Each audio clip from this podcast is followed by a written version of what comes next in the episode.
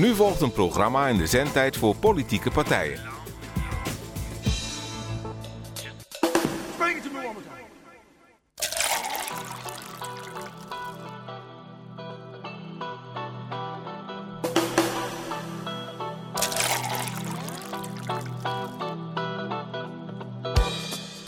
Wethouder Arjen Maathuis is niet vies van een knuppel in het hoenderhok gooien. Vorige week zocht hij de krant op en er verscheen een artikel met- in krant met de kop Veel bijstand door goedkope huizen. De boze droom van wethouder Maathuis is dat de sociale wo- huurwoningen worden toegevoegd aan de woonvoorraad in Almelo. Minder, minder, minder sociale huur is zijn natte droom, want dan is er minder bijstand in Almelo. Mijn nachtmerrie is dat het ook dat ook het volgende college gelooft dat er een verband is tussen het aantal overvliegende ooievaars en het aantal pasgeboren kinderen. Beste luistervrienden van AFM, wat fijn dat jullie luisteren. We hebben een uurtje sociale radio voor je in petto, een programma over en voor Almeloers. En omdat de wereld niet ophoudt bij de gemeentegrens, besteden we ook een beetje aandacht aan de rest van de wereld. Het glas dat gedronken wordt is de ene keer half vol en dan weer half leeg. Ik ben Arjan de Vries en sta aan de kant van iedereen die Almelo een warm hart toedraagt. En ik sta daarbij een beetje meer aan de kant van de Almeloers met de smalle beurs, met mensen die dagelijks ervaren wat armoede is, aan de kant van arbeiders en werklozen, maar ook aan de kant van de gepensioneerden en mensen die afhankelijk zijn van zorg. Oh ja, Het Glas is Half is een programma van de Partij van de Arbeid in Almelo. Mijn studiogast is Jorien Geerdink, lijsttrekker van de Partij van de Arbeid in Almelo en vanaf overmorgen, woensdag dus, ook PvdA-fractievoorzitter. Ik geef het stokje graag aan haar over. Hoi, Jorien. Hi. Fijn dat je er bent. Eh nou, zometeen uitgebreid aan het woord over je ambities, je gedachten, eh, eh, eh, politieke kleuring enzovoort. Maar ik heb alvast wel een stelling om over na te denken. Almelo wordt een echte armoedevrije stad. Ga daar maar eens je hersens over kraken. Eh, nu eerst wat muziek. Eh, De 30-jarige Noorse komiek Rasmus Wolt schuwt niet om het controversiële onderwerp van het WK voetbal in Qatar aan te snijden. En dat doet hij met zijn song en video Nevermind the Slavery. In een paar weken keken al honderdduizenden mensen naar zijn video. En de song is veel gedraaid op radiostations. En de heersers in Qatar, maar ook de FIFA, de, we- de Wereldvoetbalbond, worden erdoor in verlegenheid ge- gebracht. Dat zal Wolt overigens een bied zijn. In Qatar zijn ruim 6500 arbeidsmigranten om het leven gekomen sinds het land het voetbaltoernooi toegewezen kreeg. En veel van de slachtoffers stierven door uitputting terwijl ze in de verschroeide hitte moesten werken aan de bouw van voetbalstadions, hotels en wegen voor het toernooi. Wolt hoopt dat als mensen van de corruptie en slavernij in Qatar weten, ze misschien besluiten om niet naar het WK te gaan kijken. Ben jij trouwens een voetbalfan? Kijk je Mm, graag? Nou, nee, niet echt. Oranje misschien wel? Ja, dat wel. Ja. Oké. Maar goed, zo heeft iedereen zijn verhaal bij het WK. Ik ken oranje voetbalfanaten die niet eens naar de kwalificatiereeks gaan kijken van het Nederlandse elftal. Want als Oranje zich plaatst, laten ze toch verstek gaan omdat ze het toernooi als kijker boycotten. Kijk, zo kan het ook. Bolt is er in ieder geval in geslaagd een opzwepend officieus WK-lied uit te brengen. Qatar 2022, human rights. Fuck you. Ole, ole, ole. It feels quite bizarre, but the World Cup is here. Arranged in Qatar, where it's illegal to drink beer. They ain't got no stadiums, but in the lack of places to play, they hired foreign workers, but the workers get no pay. They work 15 hours a day,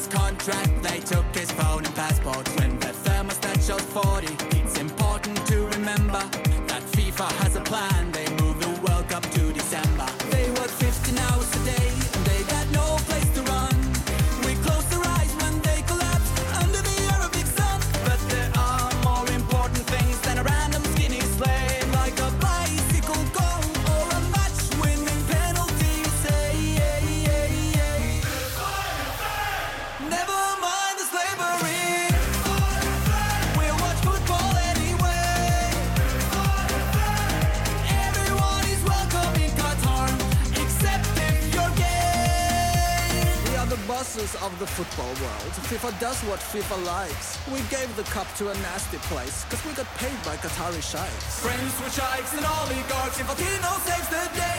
I got no time for human rights, wanna watch my country play.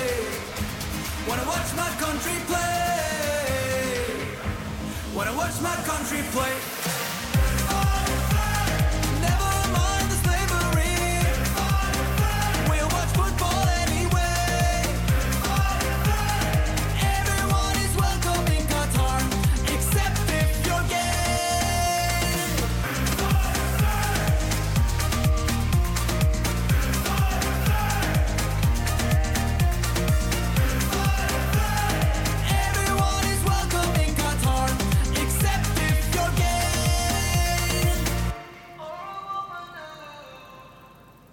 Mooi.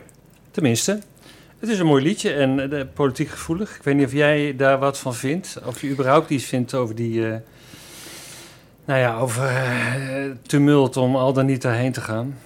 Nou ja, ik, vind- ik vind dat wel een. ik, persoonlijk zou ik zeggen niet gaan. Maar ja, dat. Ja, daar zijn de meningen gewoon echt heel erg over verschild. maar ja. ja, nou, ik ben natuurlijk ook geen voetbalfan. Maar ik, vind- ik vind het hele systeem eigenlijk. Het deugt gewoon niet. Nou, laten we eens over een ander systeem hebben. Jij bent eh eh kerstvers, eh, nou niet kerstvers lijsttrekker, maar wel dadelijk kerstvers fractievoorzitter in de raad. Ehm, we kennen je van de inhoud, de Mhm. mensen, de mensen centraal stellen. Dus ik begin maar met een stelling en die gaat over armoede. Eh, daar zijn we ook niet eh, vrij van in, eh, in Almelo. Dus ik, ik wil graag je reactie op de stelling... Almelo wordt in vier jaar een armoedevrije stad. nou, Reactie. ja. Nou, dat gaat niet lukken. Laten we zo zeggen. Tenminste, het ligt er ook aan natuurlijk wat je onder armoede verstaat. Maar als je ik denk dat armoede in vier jaar niet op te lossen is. Daar is natuurlijk veel te veel voor afgebroken de afgelopen jaren. Crisis, mensen, eh er is gewoon te veel eh, verschil eh, ontstaan in het inkomen van mensen, waardoor je dus allerlei andere problemen, zoals nu ook op de woningmarkt, je ziet gewoon dat het systeem op dit moment niet doet wat het zou moeten doen. En ehm, ja, dat is een kwalijke zaak. En ik denk wel dat het belangrijk is dat er nu eh, toch eh, in, in het brede beleid, dus niet op alle eilandjes, maar dat je breed moet kijken van hoe kunnen we er nou voor, eh, voor zorgen dat ieder, eh, iedere Almeloos of iedere Nederlander, zeg maar, eigenlijk gewoon kan rondkomen met, nou ja, dat, dat wat hij heeft. En dat er geen, dat, ja, dat armoede eigenlijk een woord is wat hier in Nederland niet meer zou hoeven. Maar dat gaat ook om keuzes, het gaat om politieke keuzes. Eh, over keuzes gesproken, wat, wat kunnen we in Almelo doen om dat te helpen mogelijk maken? Nou, je moet in de, in, in de eerste plaats investeren in mensen, denk ik. Eh, nou ja, zoals je net al zei, ze willen, eh, wil meneer Maathuis geen eh, mensen met een bijstandsuitkering. Dan denk ik, nou, een beetje kortzichtig vind ik dat. Iemand met een bijstandsuitkering hoeft niet per definitie arm te zijn en geen geld te hebben. Is wel vaak zo, maar het hoeft niet. Je kunt ook rijk zijn en armoede kennen. Ik vind het gewoon heel lastig dat hij dit zo eh, zegt, omdat, ehm, hoe zal ik dat? Als hij investeert in de mensen en ook echt kijkt in eh, wat er bij die mensen eh, thuis gebeurt, hoe, hoe het, het, het, het hele brede vlak, zeg maar, kijkt van hoe kan ik deze mensen nou helpen om in eigen inkomen te voorzien, door scholing, door ehm, nou ja, werk te vinden. En als dat niet lukt, een bijstandsuitkering en dan ook een heel ruimhartig minimabeleid. Dus ook zeg maar die individuele eh, inkomenstoeslag. Gewoon weer omhoog. Want iemand die eh, drie, vier jaar lang in een bijstandsuitkering, met een bijstandsuitkering moet leven, die, ja, die heeft daar niet voor gekozen. Ik heb nog nooit iemand gehoord die zegt van nou, wat ik later wil worden is, eh, ik wil een bijstandsuitkering. Dat heb ik nog nooit iemand horen zeggen. Dus dat is niet een keus van iemand om daar, eh, om in die situatie te zitten. Ja, even, even dan naar die situatie van eh, wethouder Maathuis, die, is- die, die eigenlijk de, ja, volgens zijn redenatie de prikkel wil weghalen voor eh, eh, mensen aan de onderkant van de arbeidsmarkt, lees met weinig inkomen, met de bijstandsuitkering, de prikkel weghalen om in Almelo zich te vestigen. Door het aanbod woningen zo klein te maken dat ze ook niet komen. Ehm, wat is er mis met die gedachte? Nou, dat klopt gewoon niet. Het is, het is onzin.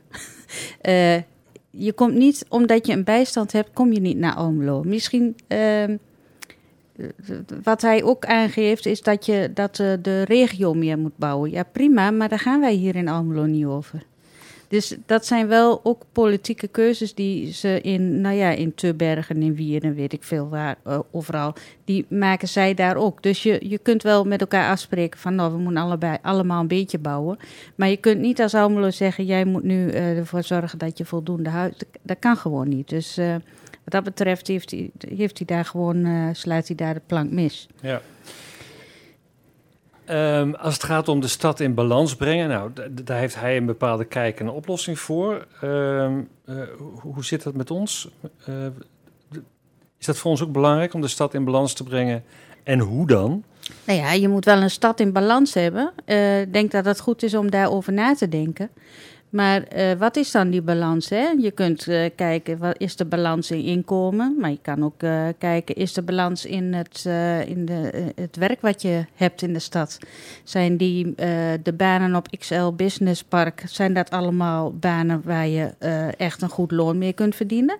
Waardoor je dus misschien meer huizen nodig hebt die in het duurdere segment. Of zijn dat juist de laagbetaalde banen die eigenlijk alleen maar eh, in aanmerking komen voor een sociale huurwoning? Dus daar moet je ook naar kijken. Het is niet eh, dit of dat, het is Mhm. het totaalplaatje van wat je van in de stad eh, wilt. Ja. Nou hebben we de, de beelden over armoede en bijstand Mhm. genoemd. Welke, beelden welke verkeerde beelden leven er over het hebben van sociale huurwoningen?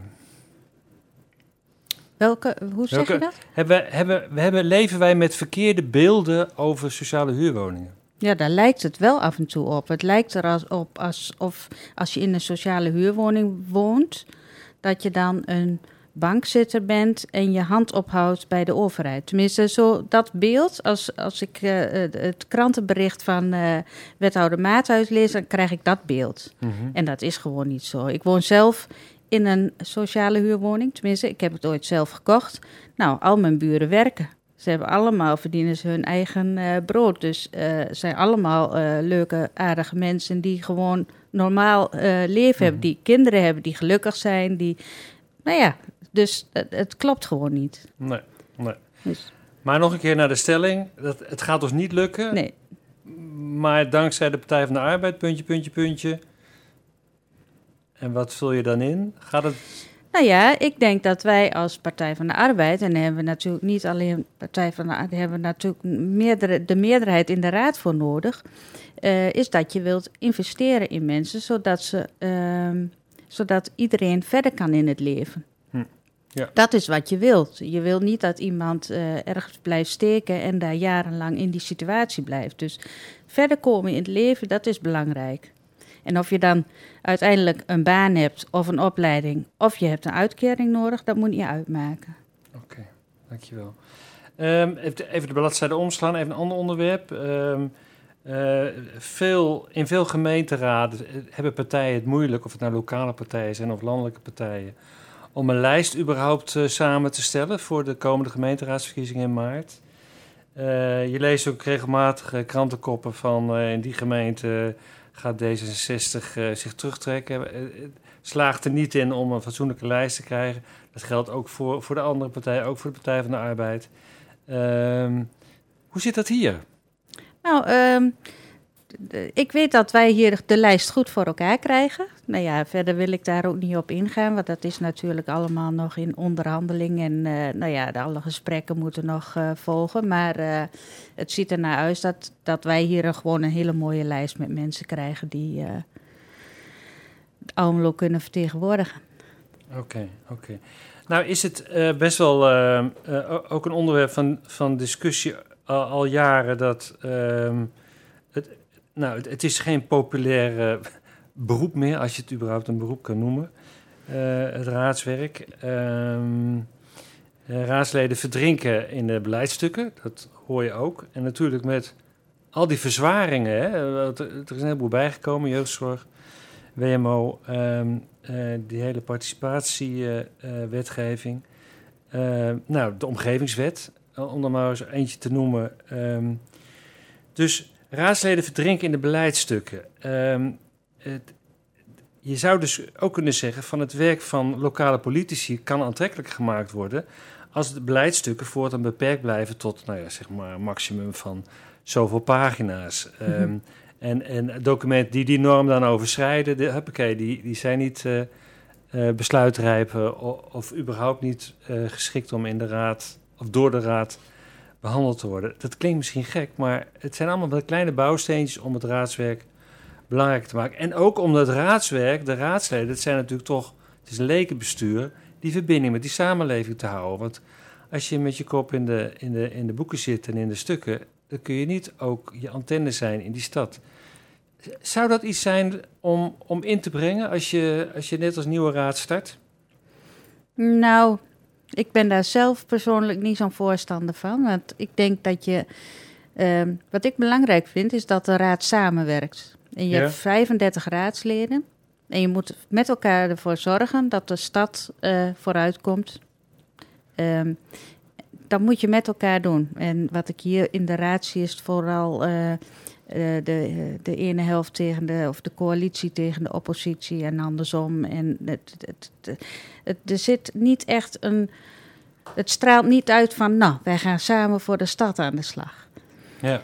Dus, en dat vind ik wel jammer. Dus wat, ja, en daar moet je ook keuzes in maken. Ik denk ook eh, dat je dat ook als raadslid moet doen. Eh, je kan de hele dag in de boeken zitten als je wil. Maar ik denk als je eh, een, een dag gewoon op pad gaat hier in Almelo, dat dat gewoon. eh, dat je dan veel meer eh, inhoud eh, krijgt om in de raadzaal in te brengen dan dat je uit stukken kunt halen. Ja, maar mijn vrees is, ehm, nou, 15, 16, 17 fracties straks. Ja. En dan? Ja, samenwerken. Oké, maar dan kun je natuurlijk ook wat voor afspreken. Ja, kan Nu ook. al, Ja. eh, voordat de verkiezingen plaatsvinden. Ja. Ja, ik, ik denk dat samenwerken is helemaal niet verkeerd. Want volgens mij wil ieder raadslid, alle 35, het best voor de stad. Anders moet je geen raadslid worden. Dus eh, ieder op zijn eigen manier natuurlijk. Maar eh, ik denk wel dat het belangrijk is. En volgens mij wordt dat ook gevraagd van de stad. Van, jullie zijn gekozen, doe je werk. En zorg ervoor dat de stad voor iedereen eh, de- nou ja, leefbaar blijft. En dat eh, iedereen aan zijn trekken komt, zeg maar, als ik het zo eh, Ja. mag formuleren. Ja. Heb je ook al een, eh, een, slogan voor, jezelf of, of voor de campagne? Nou ja, ik, ik zat daar van de week over na te denken. En eh, ik was ook een persbericht aan het schrijven voor dat. Maar wat mij betreft is gewoon menselijk. Laat ik dat dan als eh, woord gebruiken. Want dat is eigenlijk waar het om draait. Gewoon menselijk. Wat je ook doet, blijf gewoon menselijk. Ja, dat roept Vind je dat een rare? Nou ja, het, het roept wel vraagtekens op. Je kunt ook zeggen, ja, dat is zo'n dooddoener, dat geldt voor iedereen. Ja, maar dat is, nou, als ik dat bericht van Maathuis zie, dan is dat, vind ik dat niet echt menselijk. Dan sluit je mensen uit en dat, eh, daar ben ik niet, geen fan van. Dus eh, Ik denk dat we even ruimte moeten hebben om na te denken over, eh, over, over wat we gezegd hebben. En voordat we verder gaan, het lijkt me goed om even muziek te draaien. Ik heb een, eh, een mooie song van Ernst Jans. En eh, het lijkt me mooi om daarmee eh, te starten. De naakte waarheid strompelt voort. Van huis en haard verjaagd. Zo rammel zij aan elke poort. Maar geen mens die haar verdraagt. Nee, geen mens die haar verdraagt. En overal waar zij maar komt. Sluit men deuren en ramen Terwijl men er zijn tenen kromt, de waarheid moest zich schamen. Ja, de waarheid moest zich schamen. Waarom geen kleed, geen damesjas? Aan naaktheid is een schande. Schande voor ons mensenras. Dat zij het vuur mag branden. Na dagen, maanden zwerven. En moe van het gevecht. Heeft hij zich ergens op een erf om er te sterven neergelegd? Om er te sterven neergelegd.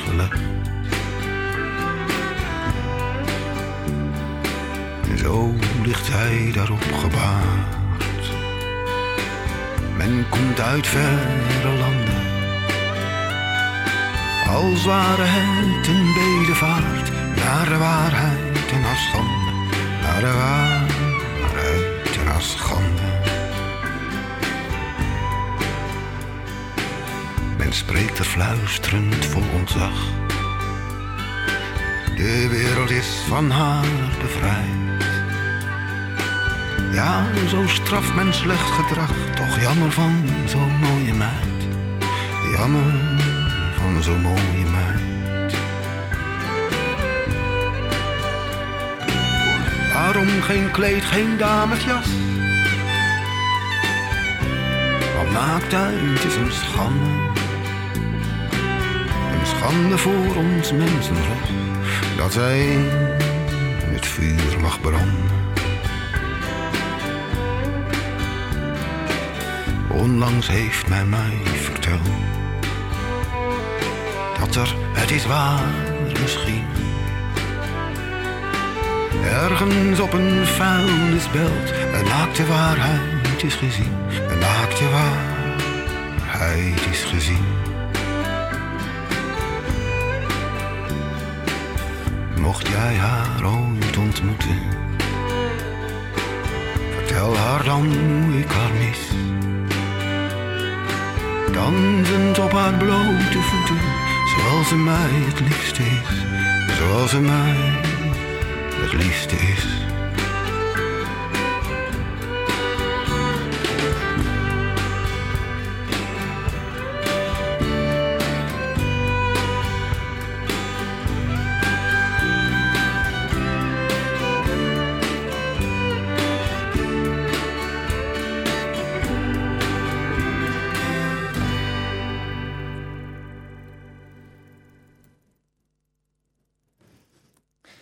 Dat was Ernst Jans van Doe Maar, ooit.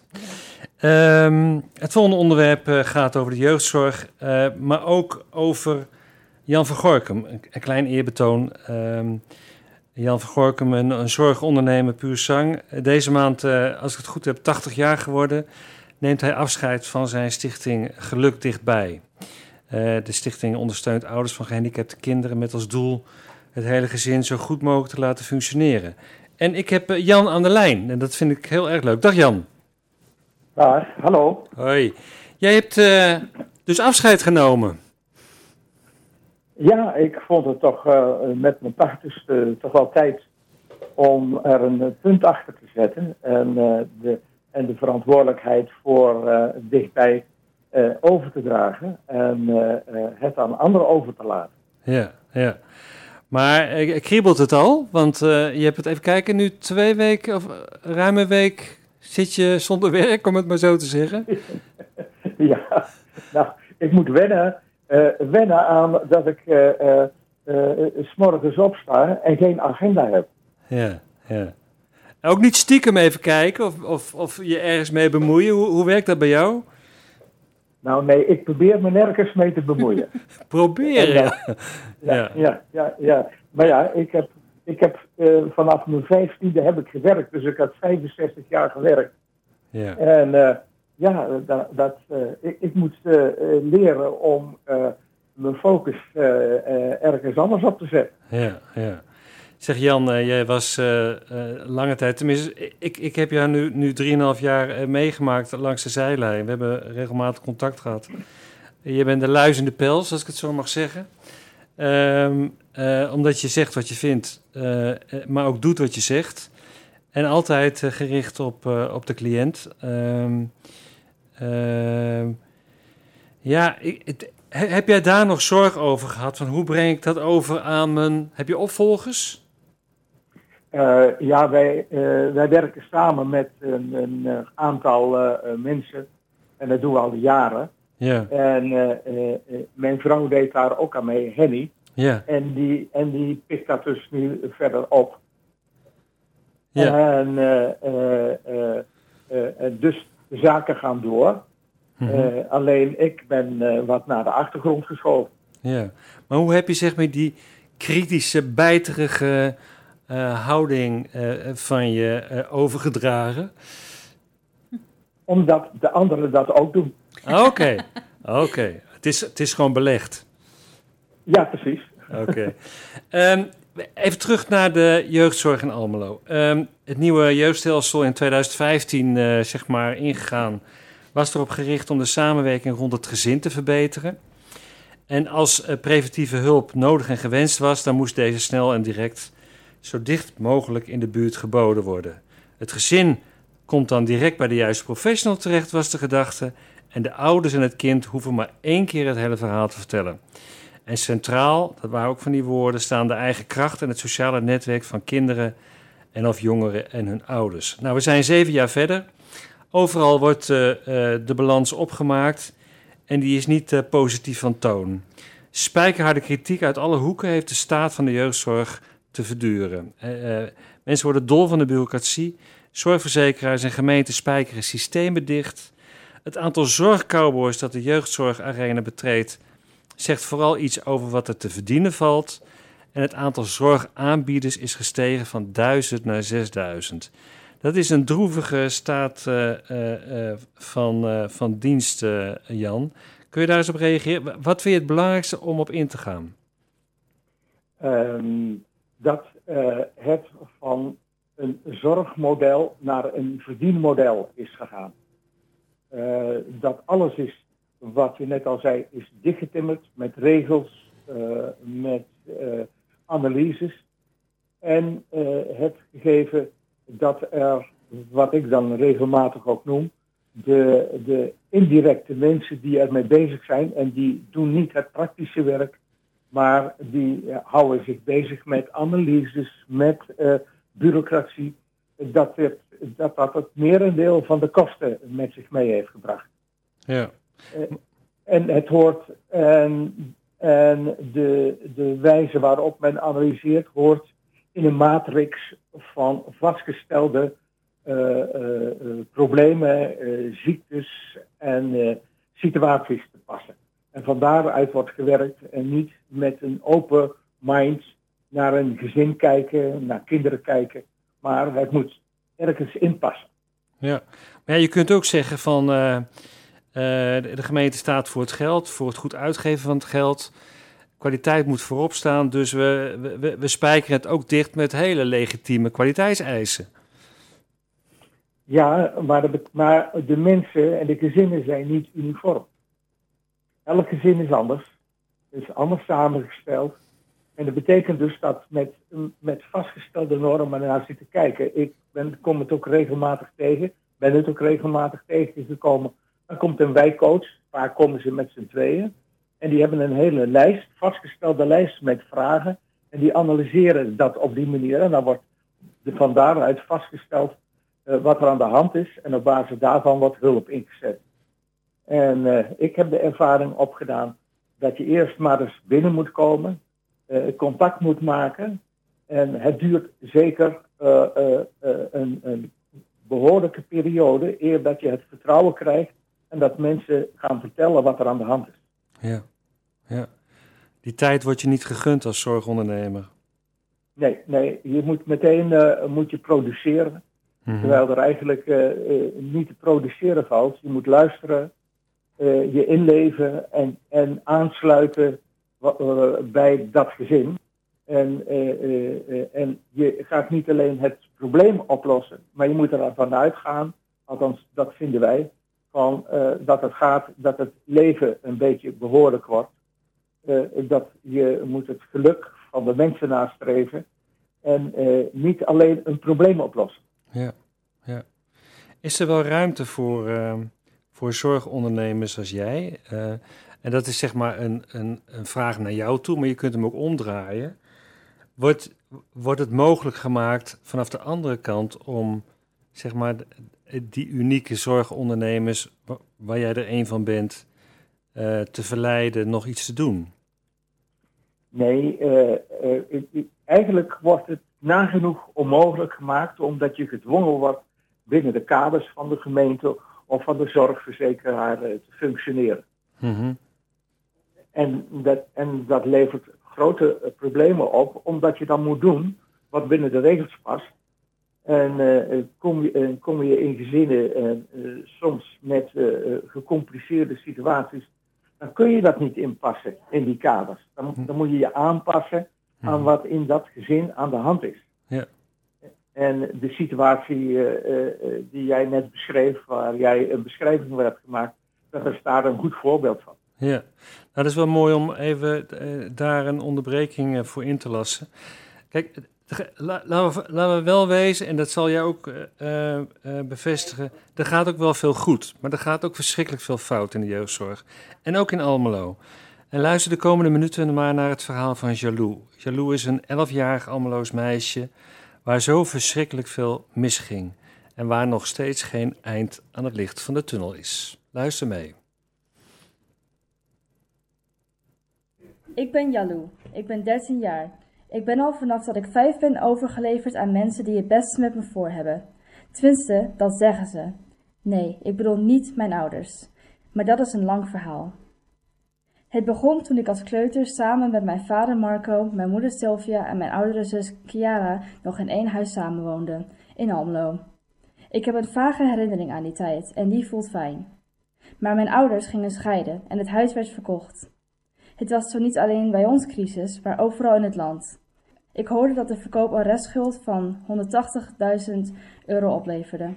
Die schuld werd verdeeld over mijn ouders, net zoals wij verdeeld werden. Chiara kwam op papier bij mijn moeder te wonen, ik bij mijn vader. Maar we zagen elkaar nog vaak. Omdat mijn ouders geen geld hadden, maar wel veel schulden, kwamen ze terecht in een schuldsanering. Toen hadden we nog steeds bijna geen leefgeld, maar gelukkig geen last meer van gieren die met hun rekeningen telkens aankwamen vliegen. Ook kregen we eten van de voedselbank. Mijn ouders hebben toen hulp en advies gevraagd omdat Kiara en ik niet zo goed reageerden op de scheiding en op alle veranderingen in ons leven. Op school ging het niet zo goed. We werden gepest. We, werden, we waren plotseling arm geworden. Nadat papa en mama hulp vroegen, is het in plaats van beter alleen maar slechter gegaan. Al acht jaar lang. Met mama Sylvia nu helemaal, want ze is onlangs in haar woning in elkaar geslagen door een idiote zogenaamde kennis. Hij had drugs gebruikt en sloeg helemaal door. En hij sloeg raak. Mijn moeder werd met spoed naar het ziekenhuis gebracht en ik weet niet hoe het nu met haar gaat. Ik snap niet goed waarom het zo fout ging. De scheiding was echt een ramp. Als ik nog tranen had, zou ik er zo weer over huilen. Maar wat er daarna kwam, was nog veel verschrikkelijker. Ik vind het leven al heel lang niet leuk en ik ben bang voor de toekomst. Ik slaap niet meer, want het zijn alleen maar nachtmerries. Heb ik al sinds ik plotseling uit huis moest en, en in een vreemd tehuis moest wonen. Dat was twee jaar geleden. Papa en mama wilden niet dat dat gebeurde, maar het gebeurde toch. Dat komt door al die mensen die zich al jaren met ons vier bemoeien. Ik kan me niet meer herinneren dat mijn vader werkte zoals andere papa's. Dat komt omdat hij de weg kwijt is en daardoor niet kan werken. Dat komt weer volgens hem door al die bemoeials die in de gesprekken en allerlei brieven en rapporten verschrikkelijke dingen zeggen over hem, mama en ons. Hij kan mij zogenaamd niet opvoeden. Het is zogenaamd niet veilig thuis. Weet je wat ik denk? Ik denk dat als ik thuis had kunnen blijven, ik denk dat als ik thuis had kunnen blijven wonen met hulp van een paar vaste mensen in plaats van honderd verschillende bemoeials, ik me veilig had gevoeld. Dat ik dan beter zou slapen. Want nu ben ik beschadigd. Zo las ik in een document dat de groepsleiding had laten slingeren. Ik heb een ontwikkelingsachterstand. En ik ben niet gehecht, want ik heb een hechtingsstoornis. Ja, ik gedraag me wel eens anders dan anderen. Ik snij mezelf namelijk. Ik weet ook niet hoe het is gebeurd, maar het gebeurt nu toch. Ik wil normaal zijn. Ik wil een andere, gewone Hollandse voornaam, zoals Marijke, omdat kinderen me uitschelden vanwege mijn getinte huidskleur. Dat komt weer door mijn Indonesische vader, die als adoptiekind naar Nederland werd gehaald. Hij heeft toen hij eenmaal in Nederland kwam nooit meer zijn eigen achternaam mogen gebruiken. Dat is toch zielig? Ze hebben hem een stuk van zichzelf afgenomen. In plaats van terug naar huis werd ik vorig jaar door de rechter naar een tweede tehuis gestuurd, omdat de pleegouders gingen scheiden. Nu wacht ik op plaatsing ergens anders. In het rapport las ik dat ik, dat ik het verschil niet zie tussen vriendschap en relaties. Dat ik snel op zoek ga naar lichamelijk contact. Ik ga die zinnen nooit vergeten. Want ze snappen er niks van en geven mijn ouders de schuld. Bij Kiara gaat het al net zo. Die zegt dat de jeugdbescherming ons niet beschermt en dat, dat, en dat ook nooit heeft gedaan. Haar geschiedenis is nog erger, zegt ze zelf. Daarom heeft ze nu een vriend helemaal in Zeist, waar ze, vaak heel, waar ze heel vaak is. Ik hoorde mijn papa tegen de gezinsvoogd fluisteren dat hij moet ingrijpen. Papa zei, ze is nog maar 15 en hij is 19 en hij gebruikt haar. Hij bedoelt vast dat ze met elkaar doen. Ik weet niet wie er gelijk heeft, maar ik weet wel dat deze zoveelste gezinsvoogd die de baas over ons is, heus niks gaat doen. Want hij is druk. Altijd druk. Mijn papa en mama mogen ons ieder apart alleen onder begeleiding een uurtje zien. En dan zegt ze zoveel te bemoeien al tegen mijn papa dat hij meer initiatief moet tonen in dat uurtje, dat wij bespioneerd worden. Ik weet zeker dat dat ook opgeschreven wordt. Al die honderden goede bedoelde bemoeials hebben altijd een tablet op schoot en werken het lijstje af. En daar schiet mijn zus, mijn papa, mama en ik niks mee op. Want alles is altijd negatief. Mijn mama is al jaren wanhopig, maar nu helemaal. Ik hoorde dat er kort geleden iets verkeerd is gegaan, waardoor ze zoiets als een uitkering onterecht gestort kreeg op haar bankrekening. Toen doken die, toen die aasgieren er weer op door een fout van anderen moest ze nu weer de schuldsanering in. En dan duiken ook de oude aasgieren uit de vorige schuldsanering weer op. Ze heeft om hulp gevraagd bij de voedselbank, maar die zeggen dat ze net te veel inkomen heeft. Maar ze moeten toch niet kijken naar wat iemand verdient, maar wat iemand kan uitgeven? Ik snap de grote mensen niet. Mama heeft geen geld meer en wil rust in haar hoofd. Ze wil opgenomen worden, maar dat weigeren ze. Mama bedoelde natuurlijk een andere opname dan nadat ze in elkaar geslagen is. Nu is ze bij haar ouders, onze opa en oma. Ze slikt heel veel pillen om zich beter te voelen, maar die helpen niet. Hoe moet ik nu verder met haar? Kiara zegt dat ze al wel 200 bemoeiers zich hebben bemoeid met ons, maar niemand die de leiding neemt. En de rechter doet niets anders dan alle negatieve rapporten volgen. In Almelo zit misschien wel de echte leiding. Dat is de gemeente. En die moet alles wat die bemoeiers doen en alles wat die rechter beslist betalen. Kiara zegt dat het wel bijna een miljoen euro is tot nu toe. Wat kan mij dat geld dan schelen? Hoe moet het verder met Kiara? Hoe moet het verder met, hoe moet het verder met papa? En mama? Hoe moet het verder met mij? Ja, om uh, stil van te worden, maar dat zal ik niet blijven. Um, dit is het verhaal van uh, Jalou. Um, haar naam is uh, fictief, het verhaal is echt. En dat ze nog geen eind aan het licht van de tunnel is, is ook echt. Jan, um, wil je erop reageren? Ja, ik, ik ken het verhaal en uh, ik ben erbij betrokken geraakt bij dat gezin, bij dat gebroken gezin, omdat een jeugdbeschermer het niet langer meer kon verwerken en vroeg of ik er wat mee zou kunnen, mm-hmm. omdat hij weinig middelen had om er echt iets mee te gaan doen. Ja. En de, wat hier gebeurt is uh, uh, dat niet gekeken wordt hoe de probleem, hoe zo'n gezin een beetje gelukkig kan leven, maar dat voortdurend wordt gekeken van welk probleem is er nou en wie heeft welk probleem. En daar wordt weer een hulpverlener opgezet om dat probleem op te lossen. En dat heeft ertoe geleid dat het van kwaad tot erger is geworden. En dat er dus nu vier mensen uh, met problemen zitten, uh, met psychische problemen, met, met sociale problemen. En ze met z'n vieren eigenlijk niet weten hoe de toekomst eruit gaat zien. En ik heb geprobeerd om daar van alles mee te doen, maar dan wordt er vriendelijk naar je geluisterd. En vervolgens hoor je niks meer. Bij het laatste wat gebeurde, met moeder die in elkaar is geslagen, een groot probleem had. Dat is uiteindelijk ook aangekaart bij de gemeente. Daar ben ik uiteraard ook bij betrokken. op een gegeven moment zaten er tien mensen om de tafel. En eh, eh, hadden allemaal hun uh, idee hoe het aangepakt moest worden. We zijn intussen weer tweeënhalve maand verder. En er is niets gebeurd. En het enige wat gebeurd is, heb ik zelf opgelost. En dat is dus nu schuldsanering is ingetreden. Maar de situatie is nog hetzelfde als 2,5 maand geleden. En ik hoor verder niks meer. En je opvolger ook niet? Nee. Want ben je hier nog zelf bij betrokken? Dan? Want zo ik lijkt ben hier, het. Ik, ik ben hier zelf nog bij betrokken. Ik, uh, ik, laat, ik heb dit dus niet overgedragen. Ik heb nog een paar zaken die liepen. Maar deze, hier blijf ik bij betrokken. Oh, want ik, uh, uh, ik vind niet dat ik dit, zoiets zomaar kan overdragen.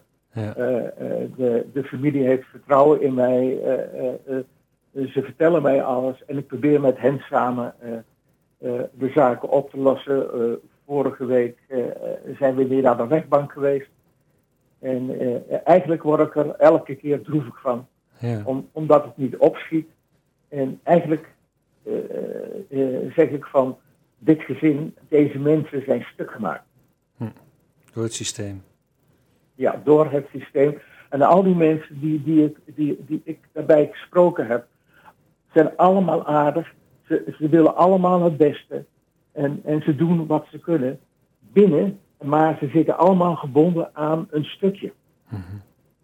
uh, uh, op een gegeven moment zat ik met alle mensen die er iets mee te maken hadden met, aan tafel. Waren tien mensen. En ieder een stukje. Maar er zit geen samenhang in. Hm. Ieder, ieder doet uh, wat die moet doen. Uh, en probeert dat goed te doen. Maar de school heeft bijvoorbeeld niks met een andere begeleider te maken. de, de, de, de beide kinderen worden apart bezien. Moeder wordt apart bekeken, vader wordt apart bekeken. Maar ze beschouwen het niet als een gezin, Mhm. -hmm. wel een gebroken gezin, maar er wordt, er wordt niet aan gewerkt. Er wordt alleen maar gekeken, oh een kind heeft een probleem. Nou, dat meisje wat net genoemd is, is een ontzettend aardig meisje. Maar die, die, die wordt nu beschouwd als dat ze allerlei soorten problemen heeft. Waar één, wat ze zelf zegt, een, een hechtingsprobleem. Ja, dank me de koekoek. Uh, als je uh, acht tot tien jaar uh, op deze wijze wordt benaderd, dan heb je en krijg je een hechtingsprobleem. Ja. Je, je, je, krijgt niet eens de kans om een behoorlijke relatie met je moeder te onderhouden. Ja, ja. Ik, um, ook gelet op de tijd hoor. Um, ik, wil even nog een bruggetje maken met, met wat het meisje zelf ook zegt van uh, tenminste, die, rekensom aan de gemeente Almelo is uiteindelijk, daar zijn ze dan wel achter, die, de betaler. Ik, ik weet dat de gemeente Almelo, net als andere gemeentes, worstelen met de jeugdzorg. En niet alleen met de uitgaven die uitdijen, maar ook met, ja, hoe, hoe, hoe doe je dat nou? Um, um, jij weet dat ik voor, voor, deze casus ook contact heb gehad met wethouder Langjes. Mm -hmm. um, He, en, en dat, dat iedereen eigenlijk stapeldol wordt van de bureaucratie. En ook de wethouder uh, heeft in ieder geval tegen mij gezegd... Uh, nou, die spreekt in ieder geval vrij uit over de tekortkomingen... in termen van systemen, versnippering van taken, bevoegdheden en verantwoordelijkheden. En misschien wel een pervers financieel stelsel, dat is dan weer, ja, dat is meer landelijk. En dat zonder gevolgen kunnen blijven maken van fouten. Jan, hoe krijgen we houding en gedrag van ouders, zorgorganisaties en gemeenten beter? door, uh, ja, eigenlijk kan ik daar een heel simpel antwoord op geven.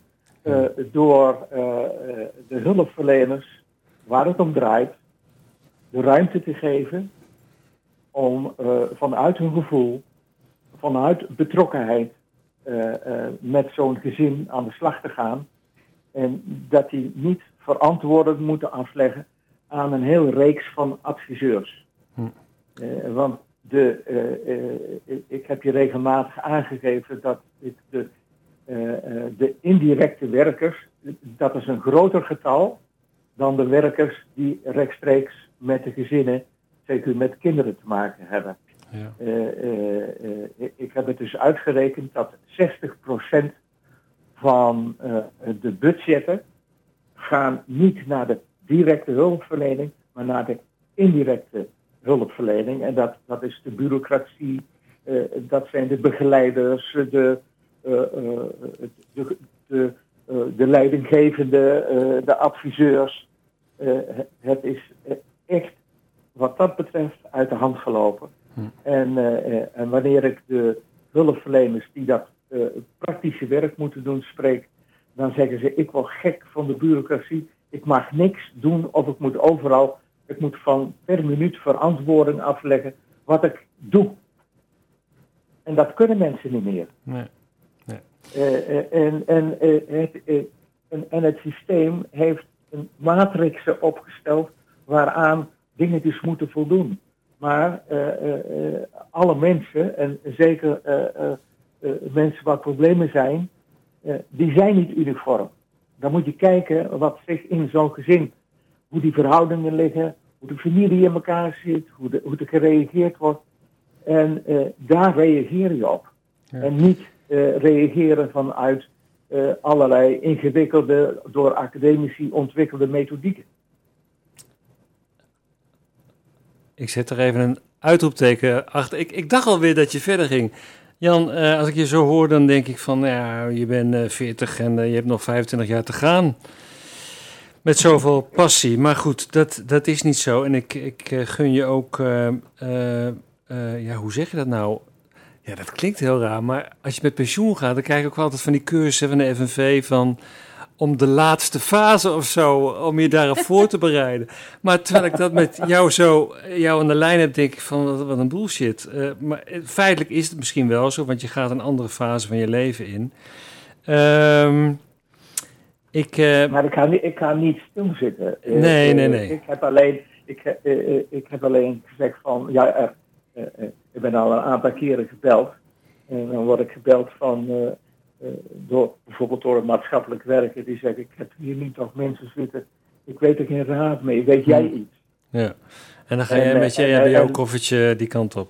En dan ga ik dat wel doen, maar ik ga dat niet meer doen zoals ik in de afgelopen periode, in de afgelopen jaren heb gedaan. Dus het, is, het, het, het moet beheersbaar blijven.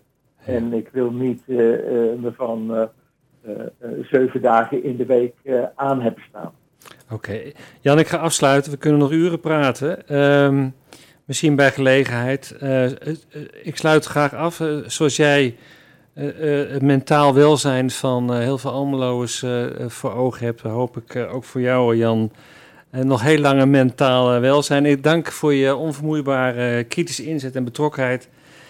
Eh, die altijd gedreven werd ja, door toch het, eh, het belang van de cliënten centraal te stellen.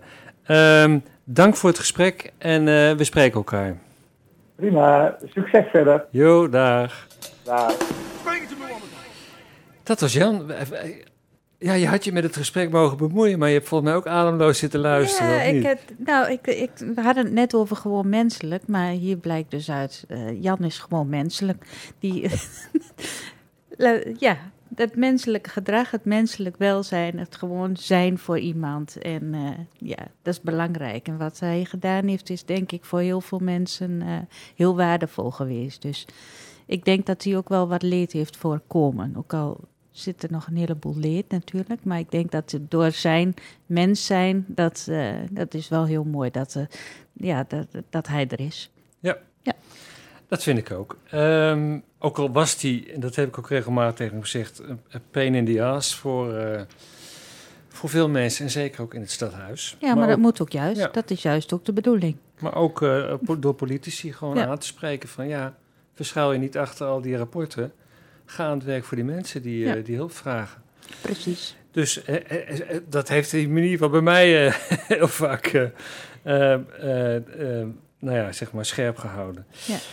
Ehm, ik kijk naar de klok. Ja, dat is toch eh, alweer eh, acht minuten voor acht. Ik heb nog even wat actuele dingen. We laten de muziek eh, voor wat die is. Misschien zo meteen als we helemaal stilvallen. Maar dat denk ik niet. kunnen we nog een muziekje draaien. Actualiteit. De, de- de- jij bent van de verbinding. Mhm. ik, ik pak even twee verbindingen. De waterverbinding.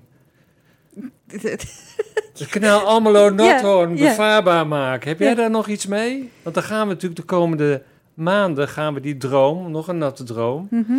van het college... eh, gaan we daarover spreken in, in de raad. Ja, we gaan daarover spreken. En ja, het is natuurlijk een heel mooi plan. Ehm, hartstikke leuk allemaal, zo- zolang het voor iedereen beschikbaar is. Maar dat, dat, dat blijf ik zeggen. Van, je, je moet vooruit met de stad. Dus of dat water er nou... Dat is hartstikke mooi. Maar je moet wel kijken waar je de prioriteit legt. Kan daar heel veel geld aan uitgeven. Maar er zijn ook andere dingen die ook eh, de aandacht vragen. En daar moet je de juiste keuze in maken. En daar moet je ook balans in brengen. Want de, de balans is een beetje zoek, zeg maar. Ja, en als we nou het geld eh, voor het oprapen hadden... Goed plan? Ja, zolang het ehm, ja, op zich. Het is natuurlijk ook een. een, een, een- het kan leuk zijn. Ja. Maar ja, het, ja, dat is net eh, hoe je dat wil zien natuurlijk. De ene houdt van water en de ander zegt van, nou ja, ja, mijn man komt uit Zeeland en die zegt, ja, jullie kanaaltje, dat stelt echt niks voor. ja, dus dat is, eh, die, die, die lag zich kapot over Almelo Waterstad. Dat Ja. is misschien wel raar gezegd, maar die, die ja, een Zeeuw, die ziet dat niet zo, hè? Nee, nee. Dus ehm, ja, Nou, ik vond het wel mooi dat in die juni-vergadering eh, Frits Axen van de SP met een PowerPoint-presentatie samen met zijn zoon liet hij Ja. zien, eh, maar dan de andere kant op, dat je heel mooi, eh, zeg maar, helemaal rondom kunt. En eh, nou ja, eigenlijk, eigenlijk ook ehm, zoveel zeggend van ja, waar zijn we al mee bezig? Je, kunt- je, kunt, je kunt nu ook gewoon varen en Ja. even af en toe opstappen, even klunen met je, met je kano en weer verder gaan. Dat is natuurlijk ook zo. Ja. Ehm, nou goed, het zijn verschillen in ambities.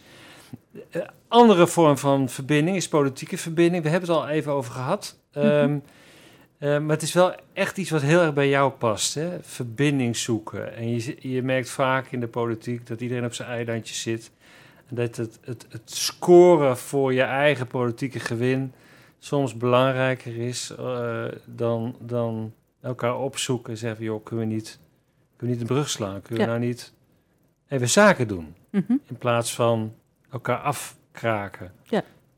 ja dat, daar ben ik wel voorstander van. Maar dat eh, komt ook, eh, denk ik, ja, iedereen heeft zijn politieke kleur natuurlijk. Maar je zit daar uiteindelijk, eh, het doel is niet je, je, je partij of zo. Die, het doel is uiteindelijk om de samenleving zo goed mogelijk te dienen, zeg maar. Dat is volgens mij, zou het doel moeten zijn. Ja, ik krijg. eh, we hebben nog vier minuten. Eh, Oké. wil- nee, je mag je verhaal afmaken hoor. Nee, maar dat, dat vind ik belangrijk. En daar moet je gewoon voor samenwerken. En dan kun je elkaar de kop inslaan, maar dat helpt niet. Ja. Dus eh, je zult, eh, en misschien, je zult als partij nooit alles voor elkaar krijgen. Ook wij hebben onze idealen. En ja, daar zegt iemand anders misschien weer van, van ja, dat, dat, dat, wij zien dat anders. Maar Ja. daar moet je toch wel, in samenspraak moet je het goede doen. Maar vind je dat, dat er nu in, in de raad de afgelopen 3,5 jaar te veel op dat scoren, dat zelfscoren is. is eh, Nou, dat zelfscore, het was natuurlijk heel erg. eh, de- ja, er is gewoon een tweedeling in de raad. Dat Hmm. zie je. Er is, eh, je ziet gewoon dat de coalitie heeft gewoon een meerderheid. En Ja. daar is het heel moeilijk binnen te komen. Ons is het een paar keer gelukt. En ik denk dat we goed bijgestuurd hebben. Ja, in onze tijd komt dat nog wel, denk ik dan. eh, in idealen. Dus ehm, ja, ik, eh, ik denk, eh, ja, samen moet je verder. Oké, dat is heel mooi. Nou ja, de komende tijd eh, ehm, gaat de campagne van start. Ja. Daar ben je volop mee bezig. Ja. En de lijst moet natuurlijk afmaken, afgemaakt worden en vastgesteld worden. Ehm, wil je nog een slotwoord zeggen? Een slotwoord. Nou, nee, daar heb ik eigenlijk niet over nagedacht. Ik, ik ben- zijn gewoon echt met van alles en nog wat bezig om, Ja. om zeg maar eh, in coronatijd ook eh, zeg maar de, de stad te laten zien wat ons verhaal is. Eh, nou ja, ik hoop dat mensen dat waarderen en dat ze niet zeggen van ja, jullie zijn er alleen met de verkiezingen. Want volgens mij hebben wij en jij eh, toch de afgelopen jaren laten zien dat we er echt voor de mensen in Almelo zijn. Dus ehm, ja, dat vind ik eigenlijk wel dat wij goed gedaan hebben. Mogen we onszelf een schouderklopje voor geven. Dus Ik eh, doe het bij deze. Ja. En daar gaan we ook mee verder. En, Zo is dat. we hebben nog heel veel maanden te gaan. Ja. Eh, we sluiten af. Ik dank Albert eh, voor de techniek. En eh, we sluiten af met een muziekje. En ik wens iedereen het goede en tot in oktober.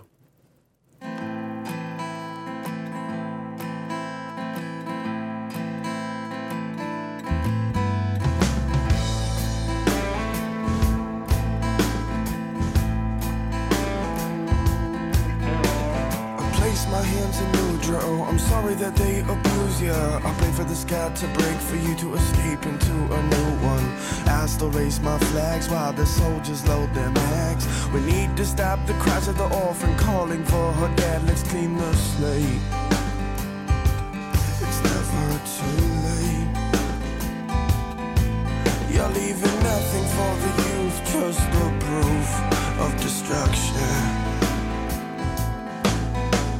The doctor gives the pills, but the pills don't have the will to take the pain out of the brain. They just make the brain insane, and still they distribute the poison. It kills the creative voices.